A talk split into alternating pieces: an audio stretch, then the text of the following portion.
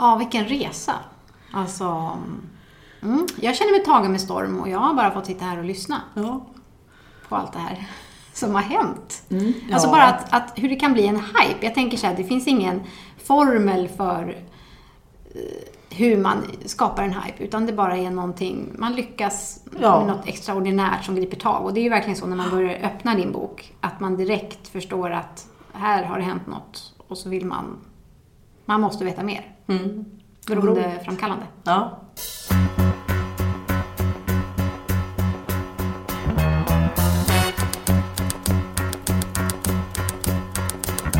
Det är jag som är Nina De är. Och det är jag som är Johanna de Valiant. Och vi tänker debutera. Eller dö. Tumble out of bed and I stumble to the kitchen. Pour myself a cup of ambition and yawn and stretch and try to come to life. Jump in the shower and the blood starts pumping. Out on the streets, the traffic starts jumping. With folks like me on the job from nine to five. Working nine to five. What a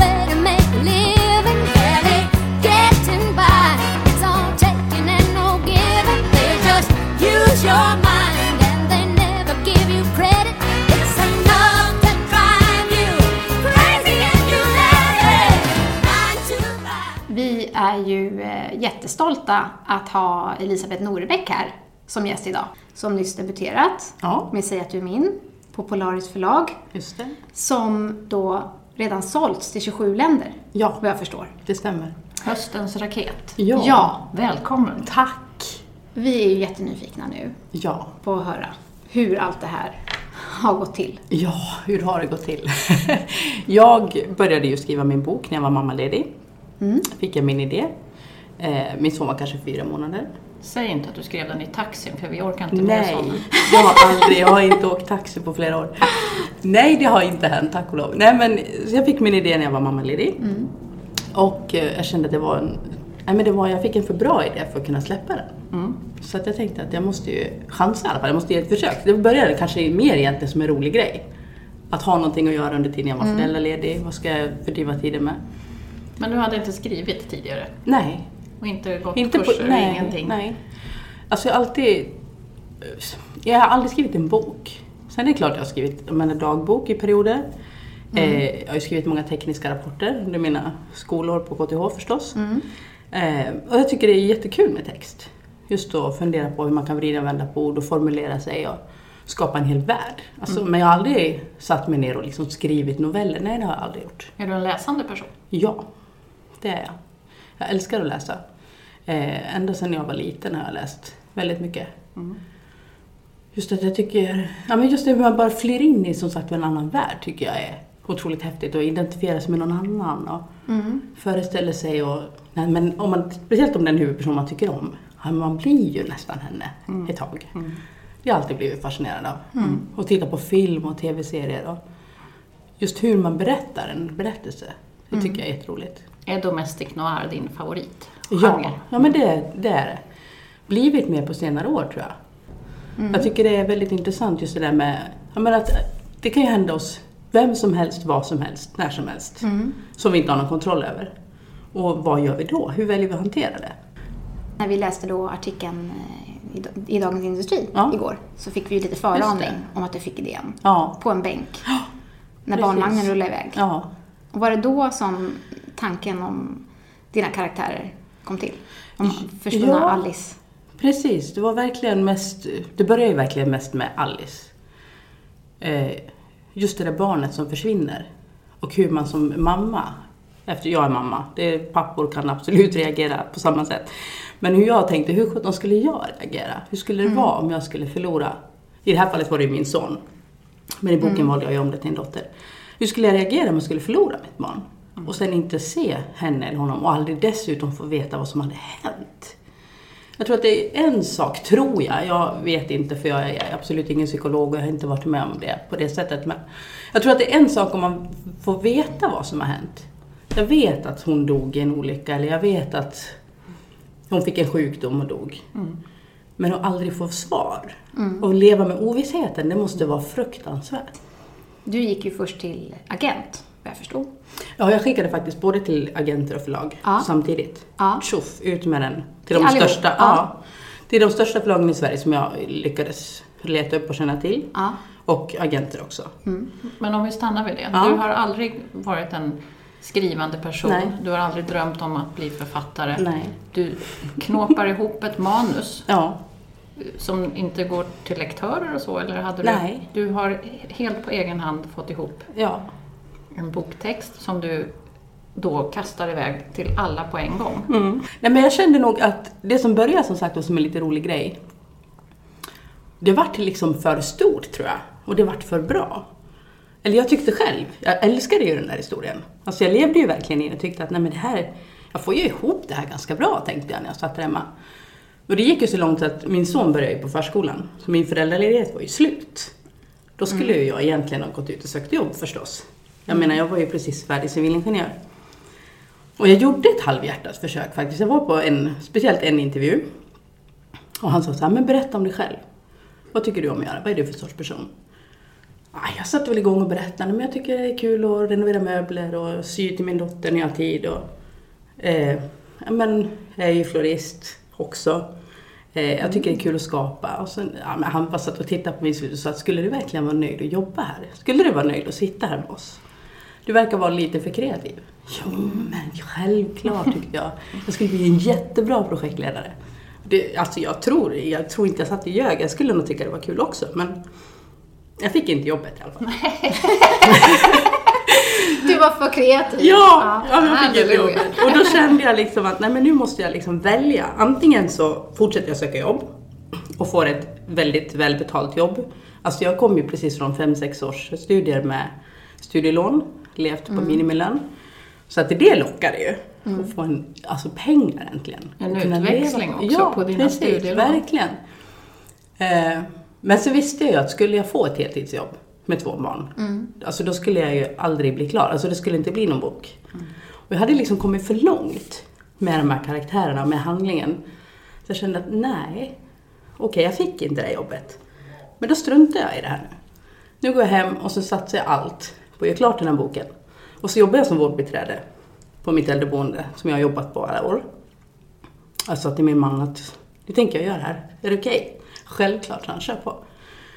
Eh, så så var det. Och då kände jag ju då också när boken väl var färdig. Men då var jag ju tvungen att skicka in den och se vad som hände. Och jag får lite gåshud nu. Ja, Ja. Om det gick vägen. Om det var någon annan som var intresserad eller om det bara var jag som tyckte att den var bra. Och hur länge Det var fick du inte. vänta här nu då? Du, inte alls länge. Jag hade egentligen som mål att jag skulle skicka in den på hösten. Blir det för då? 2016 förstås. Eh, Men sen så märkte jag också när jag höll på att jobba med det att aj skit, jag har missat några saker, att jag måste kunna, jag kan få det bättre. Jag vet själv att jag måste gå igenom texten, jag måste gå igenom hela den här texten en gång till. Jag orkar inte, jag är så less på den så jag kräks, men jag gör det i alla fall. Så det drog ut på tiden, så jag skickade inte in manuset för 29 december. Jag tyckte det skulle vara så skönt att veta då om min satsning var helt vansinnig, om jag skulle bara döda det här och börja söka jobb. Men så får man ju de här standardsvaren att det kan ta upp till 12 veckor, för vi har jättemycket att göra. Ah, januari, februari, mars kanske, okej. Men eh, redan precis innan jul faktiskt så ringde min nuvarande agentur och sa att vi har precis läst de 100 första sidorna. Är det någon mer som har hört av sig? Nej. jag räknar med mars tänkte jag. Jag har inte hört någonting. Men de var eld och lågor. Så jag träffade dem strax efter nyår. Och det kändes jättebra med dem. Jag tyckte vi klickade bra. Så då, sen har dess har det bara rullat på.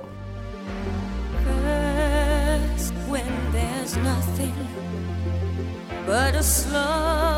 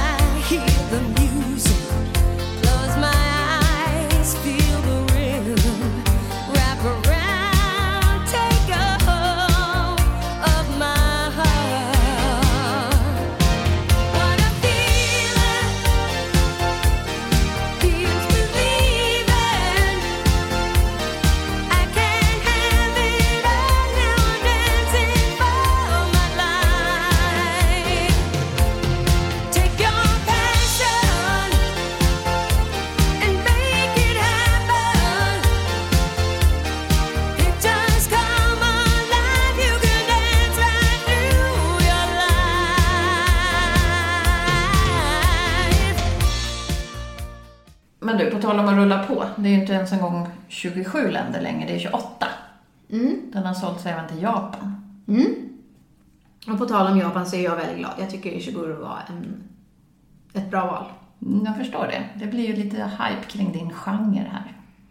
Alltså jag vet inte om någon författare har en genre, bara, bara, bara.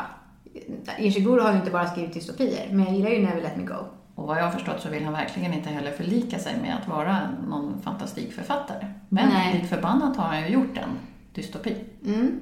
Men det jag tycker är fint, det är ju att det kan ju vara någonting litterärt och poetiskt, fast det finns liksom alternativa eller dystopiska inslag. Det behöver inte bara vara fulvibbar. Den jackan, han låste ju in sig på sin kammare i fyra veckor och fick fram återstoden av dagen med hjälp av sin Tabita-fru. Mm. Lorna hette hon. Mm. Tycker jag vi kan minnas. Mm, det var Lorna som sprang med disk och mat. Ja. Mm. Men då jobbade han nio på morgonen till halv elva på kvällen. Han fick en timmes lunchrast och två timmar vid middagen. Men det var inga mejl, ingen telefon, bara skriva. Ingen matlagning, ingen hämtning, ingen städning. Nej, det är nästan så att det är sådär... Ja, då kanske man vill gå och diska. Eller... Ja, jag vet inte. Det är så skönt alltså, att göra så i fyra veckor. Jag var ju på skrivretreat där jag försökte göra så en vecka. Då vill man ju skjuta sig till slut. Mm. Plötsligt så blir det kul att komma hem och potträna. Ja, men alltså dag fyra, 15 timmars skrivtid. Har vi inte hört att Strindberg levde så? Han satt en trappa upp, slog med en påle i golvet när han blev hungrig. Mm. Så kom, vem, jag vet inte, han hade flera fruar. Ja, Siri von Essen var en av dem. Ja. ja, Ja, det är olika hur man lever. mm, det är det ju verkligen. Jag letar sekunder och de här jäklarna. Mm. Men hur ska vi, nu får vi, nu får vi skärpa oss här lite. Vi måste tillbaka till intervjun. Ja, vi går tillbaka till Elisabeth. Ja.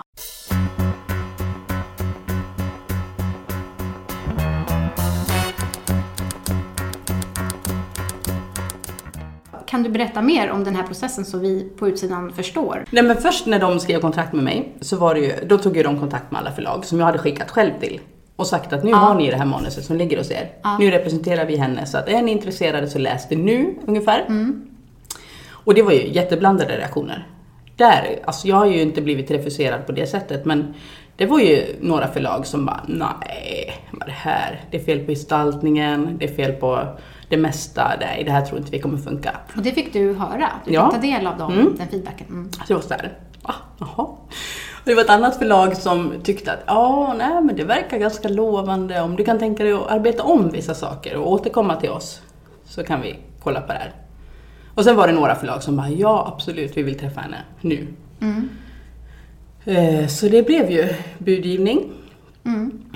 Där Polaris vann. Men när man har agentur i ryggen, Mm. får man helt välja själv förlag om då flera är intresserade? Eller är det agenturen som säger det här förlaget har bjudit bäst, det tar vi? Nej, utan det, i mitt fall i alla fall, har det varit väldigt mycket en dialog. Där de säger så här, eh, vi tror att det här förlaget kan göra si och så, och de är bra på det här, och det här förlaget är bra på det här. Eh, så att de har varit mer med och rekommenderat och sagt att... Och sen, men vad, vad känner du själv, har de alltid sagt. Och vad kände du? Alltså jag tyckte ju att det var jättespännande med Polaris, just därför att det var något helt nytt i Sverige. Eh, och sen ska jag erkänna att jag kunde ju ingenting om bokbranschen när jag började med det här. Den enda namnet jag kände till var Jonas Axelsson faktiskt.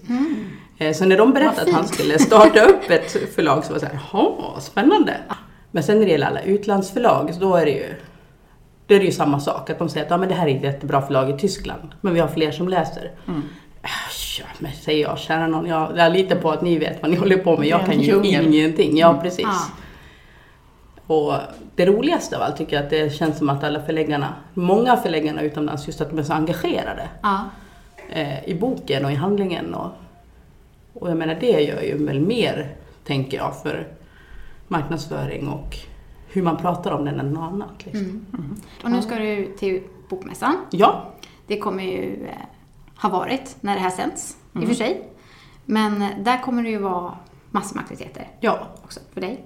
ja. En har stor ju i alla förstått fall. att det är inte alla debutanter som ens får åka på Bokmässan Nej. och ha events. För att det är en sån enormt event där liksom man blir en i Ja. i mängden. Ja, men precis. Men har man sålt till 27 länder med en gång, då är det liksom Då fick man vara med. redan. Men nu har ju vi in. inside information om att en väldigt stor författare som har varit författare väldigt många år och släppt ett otal böcker inte ens en gång får entrébiljett. One day you're in, And the next day you're out. Vi har ju hört kritik, en del kritik mot agenturers sätt att jobba. En del röster som höjs om att det är eh, att de går in för hårt och liksom bränner ut sina författare och att det inte alls är någon trevligt sätt som agenter jobbar på. Och vi blir bara så nyfikna på, på den andra sidan när man är då i författareskor som du. Om du sett någonting av det? Är du utbränd? Nej, inte än. Nej. inte än i alla fall. Nej, eh, det tycker jag inte alls att jag är. Eh, Och du känner dig väl omhändertagen? ja, oh, ja. Att du inte bara är en kassako som Nej. de ska... Nej, Mm. det gör jag verkligen inte. Utan jag tycker att jag har känt ett väldigt personligt engagemang. ja. Verkligen. Att eh, ja, men de brinner både för min berättelse och för att ja, få ut mig som författare, Mm. vilket känns väldigt ovant att identifiera sig som fortfarande. Eh, så nej, det tycker jag inte. Men om man ser annars, om man gör framgång, så brukar det ske rätt så mycket stegvis. Så att man knaprar sig upp för en Mm. trappa sakteliga med mjölksyra i venen och så Ja. här. Du har ju bara liksom tagit ett djungelkliv rätt upp på översta trappsteget. Ja. Skulle man kunna tänka sig att du hade njutit mer av den här resan om det hade varit trappsteg för trappsteg? Eller är det bara så här explosionsartat skitkul att stå överst plötsligt? Jo, men det är lite läskigt. Jag, är fortfarande, alltså, jag kan ju fortfarande känna att jag sitter lite i min egna bubbla. Mm. Jag har ju varit, vad är det nu då? Det är september. Ja, det är nio månader sedan jag skickade in mitt manus. Nio månader Ja. Du, sedan! jag tror inte du förstår frågan. Nej. En graviditet! Ja, nej men det är, alltså, jag, jag tror själv inte att jag riktigt förstår alla gånger. Eh, det var som min man sa, jag tror det var när det var land 20 eller något sånt där. De ringde och sa, men nu har vi sålt det här landet. Du helt slentrian bara. Ja, Åh, du ja, stänger han av sa det nästan. Ja, men du låter nästan inte ens glad. Nej, men jag vet inte om jag fattar. Alltså, jag kommer ihåg när de ringde och berättade om första landet. Det var ju jättetidigt. Det var ju precis efter jag hade signat med Polaris. Det var ju så här, va? Ska den komma på italienska? Det här är ju helt sjukt. Men så att jag vet inte riktigt om jag har processat helt än. Om jag har hunnit med det faktiskt, ärligt talat. Nej, det är nästan taskigt. Ja, ja men det är lite så här, Om du hade druckit champagne för varje framgång nu så Ja, hade du... käft, då hade jag inte stått på benen. ja, precis. Nej, men så att det är både jätteroligt och eh, lite läskigt också. Mm. Därför att jag vet ju att det finns jättemånga med författardrömmar och jätteduktiga människor. Eh, och så kommer jag och är ingen och tar massor med plats. Det är klart att det är inte, alltså det är lite läskigt också. Sen förstår ju vi att ta hand om två barn, att jobba extra som vårdbiträde, försöka skriva, vara nyexad. Då har du ju ändå pluggat lite senare i livet. Det är ju inte heller bara att det har varit gått som en dans. Nej, alltså att få ihop en inte. bok, oavsett om man gör det på ett år eller tio. Ja. Det är ju ändå ett hästjobb. Oh ja, det är, alltså det är ju verkligen jättejobb. Mer än vad jag trodde när jag började tror jag. Eh, Det är ju kanske bra, det är som Ja, med barn. Om ja, man visste hur svårt och bara Ja. sårbart det var, då skulle man kanske inte, inte ge in på skaffa det. Det är som med böcker, skulle inte våga skriva Sen när man väl har gjort det, då är det för sent. Ja. Nej, Och men, sen glömmer man och så går man på det igen. ja men precis, Ja. verkligen. Så Men det- inför bok två nu då? Det kommer väl en tvåa här? Ja, Då, eh, vad tror du den mentala statusen är då? Men är den redan skriven? nej första? jag håller på. Du håller på? Försöker Mm. ta mig samman mellan allt som händer och Oj. försöker komma igång. Om du jämför skrivprocess 1 med skrivprocess 2. Förut så gjorde jag ju det verkligen i smyg. Det var ingen som visste om att jag höll på. Bara min man. Bara din man? Bara min man. På hela jordklotet? Ja, på hela, och mina barn. Eller hon Ja. förstod väl halvt om halvt efter ett tag, min Ja. nästa dotter. Alltså det är nästan som att vara gravid Ja. utan att någon vet. Ja, men Hur precis. gör man det? Ja, men jag jämförde det på ett sätt. Eller jag sa det till, jag var lite poetisk nog, att det kändes nästan som att jag hade som ett frö liksom. Och skulle jag lyfta på den där glaskupan, då vet 17 skulle alla bara kasta sig över så skulle jag dö. Ja. För jag visste ju att det var vansinnigt. Jag fatt, alltså det vet ju jag också. Det är klart att man inte rekommenderar någon som är 35 plus, som är nyutexaminerad efter jättemånga år. Nej, men jag ska skriva en bestseller. Nej, det gör man inte. Var det föresatsen? Kände du det när du började skriva? Nej, att det- det nej. var? Utan jag var ju mer efterhand som jag tänkte själv att nej men hjälp, jag tycker det blir bra. Ja. Jag tror ändå att någon, åtminstone någon i Sverige kanske vill läsa. Men sen har jag ju verkligen aldrig i min vildaste fantasi kunnat tro att det skulle bli så här. Det är ju verkligen, nej, ja, nej, det är jättekonstigt. Vidare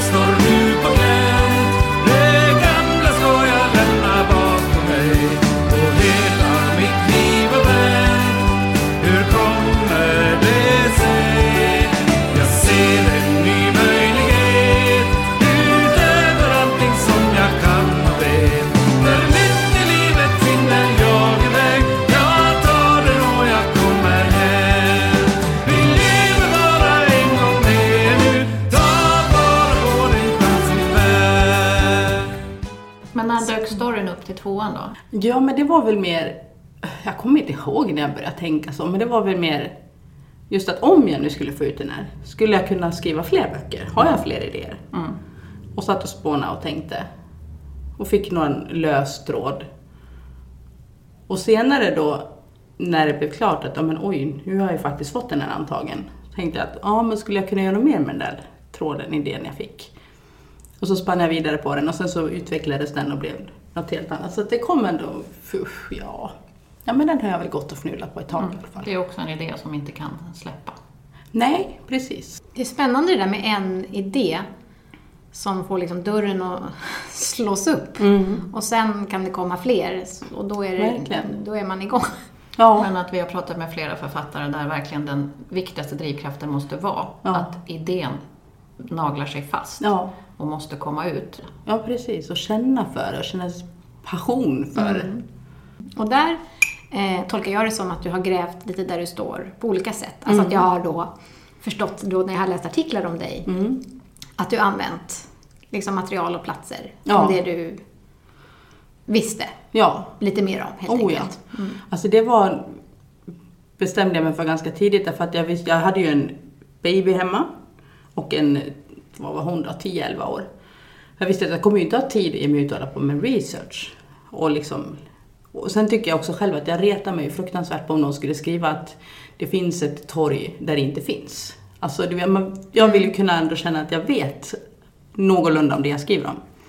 Så därför kändes det så himla naturligt att använda mig av platser som, som jag vet, som jag känner till. Och situationer kanske, mm, hur det är att plugga på KTH, inom vården. Har, har du alvöra?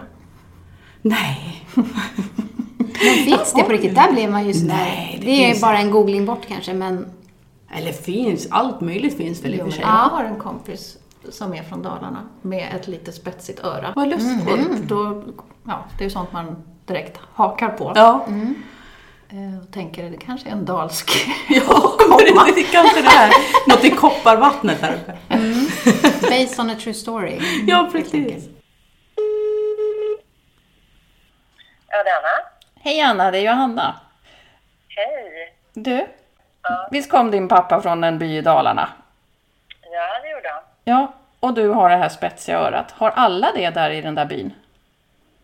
Nej, alltså jag vet inte för jag har inte varit så mycket i den där byn. Det är faktiskt omskrivet så jag var tvungen att fråga. Men du, när jag ändå har dig på tråden. Du som har jobbat med trender i, vad är det, 30 år. Hur tänker man? Hur ska man bära sig åt för att göra någonting riktigt eftertraktat? Även om man har alla ingredienser så är det liksom inte alls säkert att man lyckas bara för att man kan eh, teorin. Men om man ska vara lite teoretisk om det här så finns det ändå vissa, vad ska man säga, standardlösningar Shoot! Eh, ja, men jag skulle vilja säga, jag tror ändå grunden för en sån här grej, det är att ha en bra produkt. Och sen vad den produkten gör för dig, om den ger dig en upplevelse, en läsupplevelse, eller om den gör dig snygg, som du eh, kanske känner dig med kläder, eller någonting sånt där. Så jag tror grunden är en bra produkt och vad den produkten gör för dig, men det räcker ju inte för det finns ju väldigt många bra produkter och, eh, ute på marknaden. Så att, Exklusivitet tror jag också är någonting som skapar en hype. Det vill säga, gör du till exempel en limited edition på någonting. Eh, någonting som bara vissa utvalda kan få tag på eller det finns bara under en begränsad period. Kanske lite hemlighetsmakeri runt en produkt. Eh, eh, man hör att det är någonting som är på gång, man kör lite rykten, man får lite teaser som släpps men man vet inte exakt vad det är som händer. Då blir man också nyfiken. Eh, så att skapa någon liten sån här buzz runt eh, eh, en produkt oavsett vad det är hjälper också till. Sen så tror jag också att det ska vara lite personifierat, eller vad man ska säga. Det är att man kan länka en produkt eller ett brand eller någonting till rätt typ av person. En person som många tittar på och som man vet är någon slags garanti för den här produkten. Men jag tror att det är tre, tre bra ingredienser. Det är liksom en bra produkt, skapa någon slags exklusivitet runt den och så länka den till någon slags personifiering så att det blir så att den sticker ut i mängden. Mottagaren ska känna sig utvald. Eller kanske inte utvald känna att man inte får vara med. Man känns utestängd och bara, mitt mål är att komma in i det här. Mm. Eh, att få tag på det här. Man kanske inte ens får tag på det, men du vet, man är så sugen som man dör. Så man tar på produkten eller inte, spelar ingen roll. Produkten är hypad och det var ju det som var syftet. Mm. Precis så där är det ju. Man vill komma in i förlagsvärlden men man blir inte insläppt. Så det gäller alltså att vända på myntet. Så länge du inte får vara med, så länge du inte får prova på, så kan du inte släppa tanken Nej. på att du ska in där. Liksom. Tack! Ja, okej. Mm. Puss och kram, hej hej!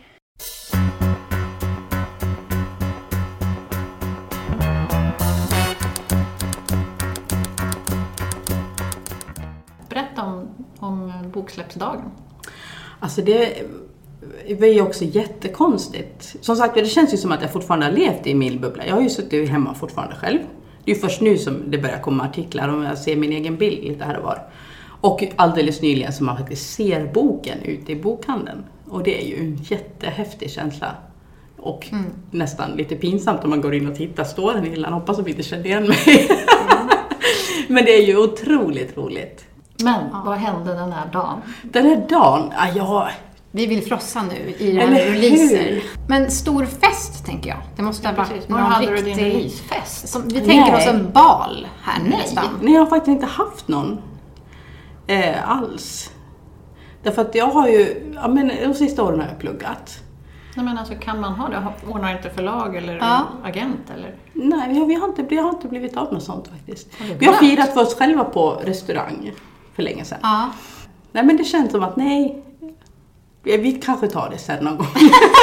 Men när du blev ingenjör, hade du ingen fest då heller? nej, inte direkt heller faktiskt.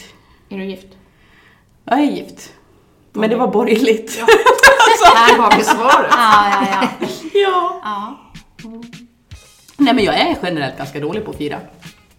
Faktiskt. Alltså varje sån här del, alltså det har ju hänt så otroligt mycket. Så det, var- ja, men det var väl det vi gjorde kanske för sig på släppdagen. Det har jag glömt. Då tog min man med mig ut på en lyxig lunch faktiskt. För det var väl enda gången som vi verkligen har firat på riktigt. Utan barn, gjort något mer än gått till McDonalds. Det var trevligt. ja. Ja, det Det blev en lunch utan barn. Ja, en fin lunch med Ja. förrätt och huvudrätt efterrätt. Ja. Ja.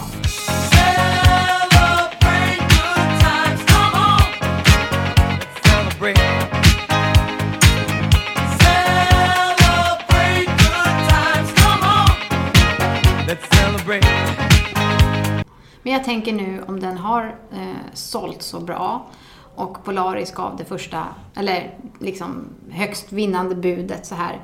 Nu kan du ju med gott samvete, tänker jag, fast jag inte vet någonting om branschen, ändå leva mer med gott samvete på att fortsätta skriva.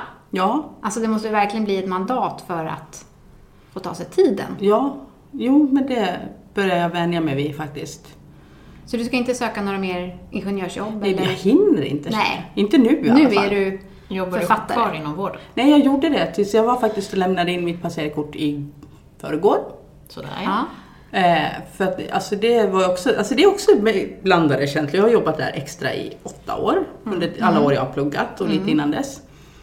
Eh, och jag har trivts där, även om man, du vet som man gör, man klagar på arbetsvillkor och allt, och lön. Men alltså jag känner att jag hinner ju inte. Man får ju massa förfrågningar. Kan du komma och jobba då? Kan du komma och jobba då? Nej, jag hinner inte. Nej, jag kan inte. Då måste jag iväg och göra det. Och sen nu känner jag att hjälp, det är september. Jag måste ju få ihop en bok till. Tiden går. Så att... Eh, Vad har du Nej, för planer då om en ytterligare böcker? Kommer du att... Har du krav på dig eller har du signat upp för fler böcker eller har du en arbetstakt som du får bestämma själv? Och i sådana fall, vad tänker du om tidsintervaller? Du tänker proaktivt nu för att Ja. vi inte ska bränna ut ja. Elisabeth här nu. Och även det Tove Alsterdal sa, att hon inte kunde producera så där fort medan Anna Jansson Ja. får ur sig ett par per år. Ja, jag bara undrar. Ja. Alltså jag har ju kontrakt på en till. Eh, som de helst vill ha inom ett visst intervall förstås. Just därför att det inte ska gå för lång tid. Att man, folk hinner glömma bort den och sådär.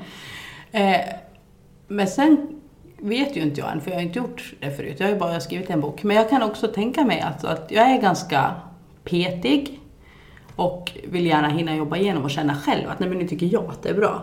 Jag skulle inte tycka det var kul att lämna ifrån mig något som jag vet att ah, nej, jag skulle behöva gå igenom det en gång till. Jag vet att det finns saker som inte som kan bli bättre. Så det, kommer, det får vi se hur, hur snabbt jag lyckas jobba på. Hur bra jag får det på den tiden. Har du någon skrivteknisk akilleshäl? Är det något som du själv känner att du vill förbättra dig på? Jag vet att jag har lätt för att bli lite för förklarande när jag skriver. Att berätta, se till att alla förstår.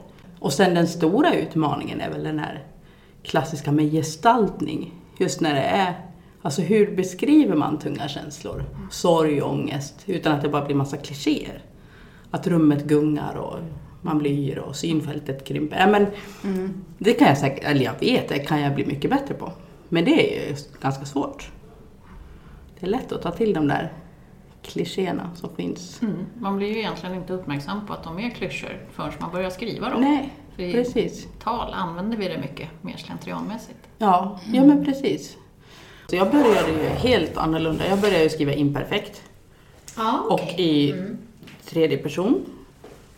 Och jag tyckte att det var så, aj, det gick ganska knaggligt. Och sen jag tror jag nästan hade skrivit igenom, aj, kanske knappt hälften. Jag fick bara för mig, för jag har alltid av någon anledning, jag vet inte varför, så jag har alltid varit lite så anti-presens. Men så fick jag bara för mig att nej men för sjutton, jag ska testa i alla fall.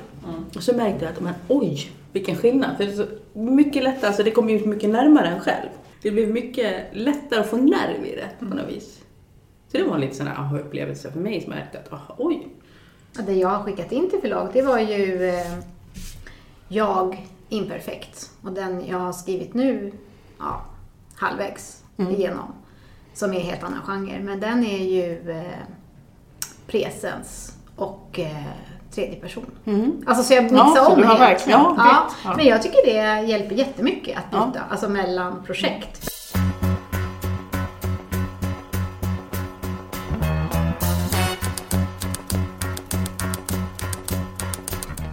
Vi tycker det är väldigt spännande att eh, få alla dessa möten som vi får i potten. Vad lär du dig? Oj, massor. Alltså just nu lär jag mig ju hur mycket som helst bara hur det går till i bokbranschen. Sånt som man inte har en aning Säg något. Jag kan inte berätta för två Skvallra. hönor här Jag ska som inte... skvallra. Ja men det är ju just bara allting med textredigering och omslag och nu ska det skickas till tryckeri och baksidestexter och hur ska vi formulera det och ja, men vi tycker att det är bättre att göra på det här sättet. Men du har lärt dig mediaträning. Ja, oh ja. Eller jag håller på fortfarande ska jag säga. Hjälp, det, jag har inte hunnit gjort så många intervjuer men det, det är också ovant. Och hur har det varit att få recensioner? Jag har sett en, en liten Ja. notis i Du har läst dem? Du, Ja, ja men det måste man ju. Det är också Ja, självklart lite läskigt. Men eh, samtidigt så är det, de reaktionerna jag har fått hittills har ju nästan bara varit från bokbranschen. Och det ska bli otroligt kul att se vad liksom, riktiga läsare tycker. Det är ju bara min man som har läst den annars. Förutom mina kontakter inom förlagsbranschen. Så det är jätteroligt och lite läskigt förstås. Eh, men den har, det har inte kommit så himla mycket än. Lotta Olsson skriver lite grann i DN, väldigt kort. Annars är det ju några fantastiska, alla dessa bokbloggare. Har De är kommit snabba stycken. De också. är jättesnabba. de har jag läst några stycken och Ja. det var ju hyllningar. Verkligen. Och i DN så var det ju positivt ända till sista raden att hon Ja. tyckte att det gick lite långsamt. Mm. Min tolkning av det var att hon skrev det som någonting lite negativt. Ja, Personligen var det det jag hokade på. Ja, exakt kände jag också så. Jag blir så glad när någon vågar Ja. stanna i tiden. Ja. För Att inte jag är bara- själv ja. trött på Nej, men jag har verkligen, verkligen tänkt på det jättemycket själv. In i det sista så sa jag det till min man. Är den för långtråkig? Är det för tråkigt i början? Att Det är det är rafflande tempo, det är inte i min bok sådär som att det behöver vara fem stjärnor. Att det bara är, Nej. man rusar på. Absolut, det finns eh, böcker som det passar utmärkt i. Men generellt så blir jag så glad när någon vågar skriva långsamt. Ja, ja vad roligt. Jag tänkte på det här uttrycket, eh, någon annans skräp är den andras skatt. Ja, just det. Det är verkligen så det är. Ja. Så, Ja, men precis. Man får hoppas att tillräckligt subjektivt. många hittar guldkornet i det. ja. Att få vara någon skatt, det är Ja, precis. man får sikta på. Ja. Någon som tycker man är värdefull. Ja, Ja, precis. verkligen.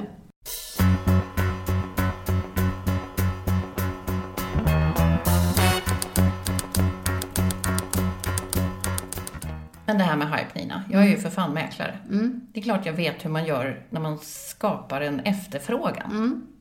Jag får helt enkelt starta ett förlag och så lägger jag ett bud på ditt manus. Det kanske var det som kom nu. Men du vill ju inte bli utgiven av The Valiant AB. Nej, ursäkta, Ja. men... Du har lite andra tankar. Ja. Men, Nej, men... Mm. men jag kanske håller till godo med De Geer AB. Du tänker så? Mm. Nej, men jag tänker att vi båda är kommande objekt. Som vi nu måste se till att de blir jäkligt trendiga. Mm. Men eh, det verkar ju inte skada att ha en agent som Elisabeth hade.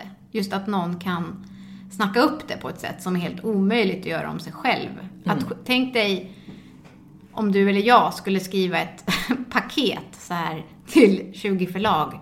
Ni har nu två veckor på er. Läs det här. It's the shit. Alltså egot Håkan Kråkan Tvivel Bertil, han får ju panik i det. Ja, nej. Ja, men så det vi vet, det är att det finns ingen formel kanske för boken.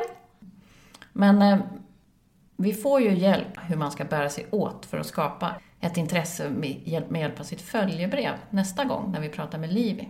Jaha, var det det vi pratade om? Ja, det var verkligen det han var kung på, så var det följebrev. Ja, ja, jag tänkte också på de där böckerna han pratade om. Det gjorde vi också. Det var Ja, många bud. Ja, Plötsligt så händer det Nina. Ja. Eh, Men det är bra, det är bra grejer som händer nu.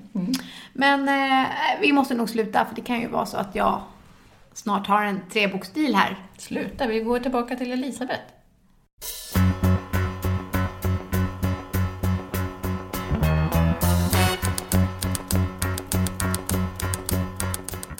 Vi har ju faktiskt också båda skrivit om eh, förlorade barn.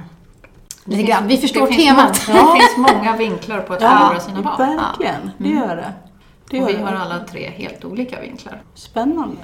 Ett ämne som självklart är lätt att identifiera sig med. Ja. Mm, den största rädslan. Oh ja. Man, man vet inte hur, hur rädd man kan bli Nej. förrän man får barn. Och i, i min karaktär har helt enkelt bara strulat till och sjabblat bort sig själv. Ja. Vilket känns att det är väl ungefär där jag även ligger med mitt eget manus. Att jag, så då är det identifikationen fullständig. Ja. Bumerangen är tillbaka. ja. ja. Men alltså vi är jätteglada för att du tog dig tid att komma och träffa oss. Ja, men det var jätteroligt att få komma hit. Men om du får välja en låt nu då, som ska representera din bok. Oj, nej vad svårt. Nej, jag kommer inte på någon. Ni får fria händer. Då får du och jag kriga ensamma. det gör vi så bra. Ja, gud. Ja. Nej, men det blir kul. Ja. Ja, men superkul. Ja. Men den här Have a Il mom, she might be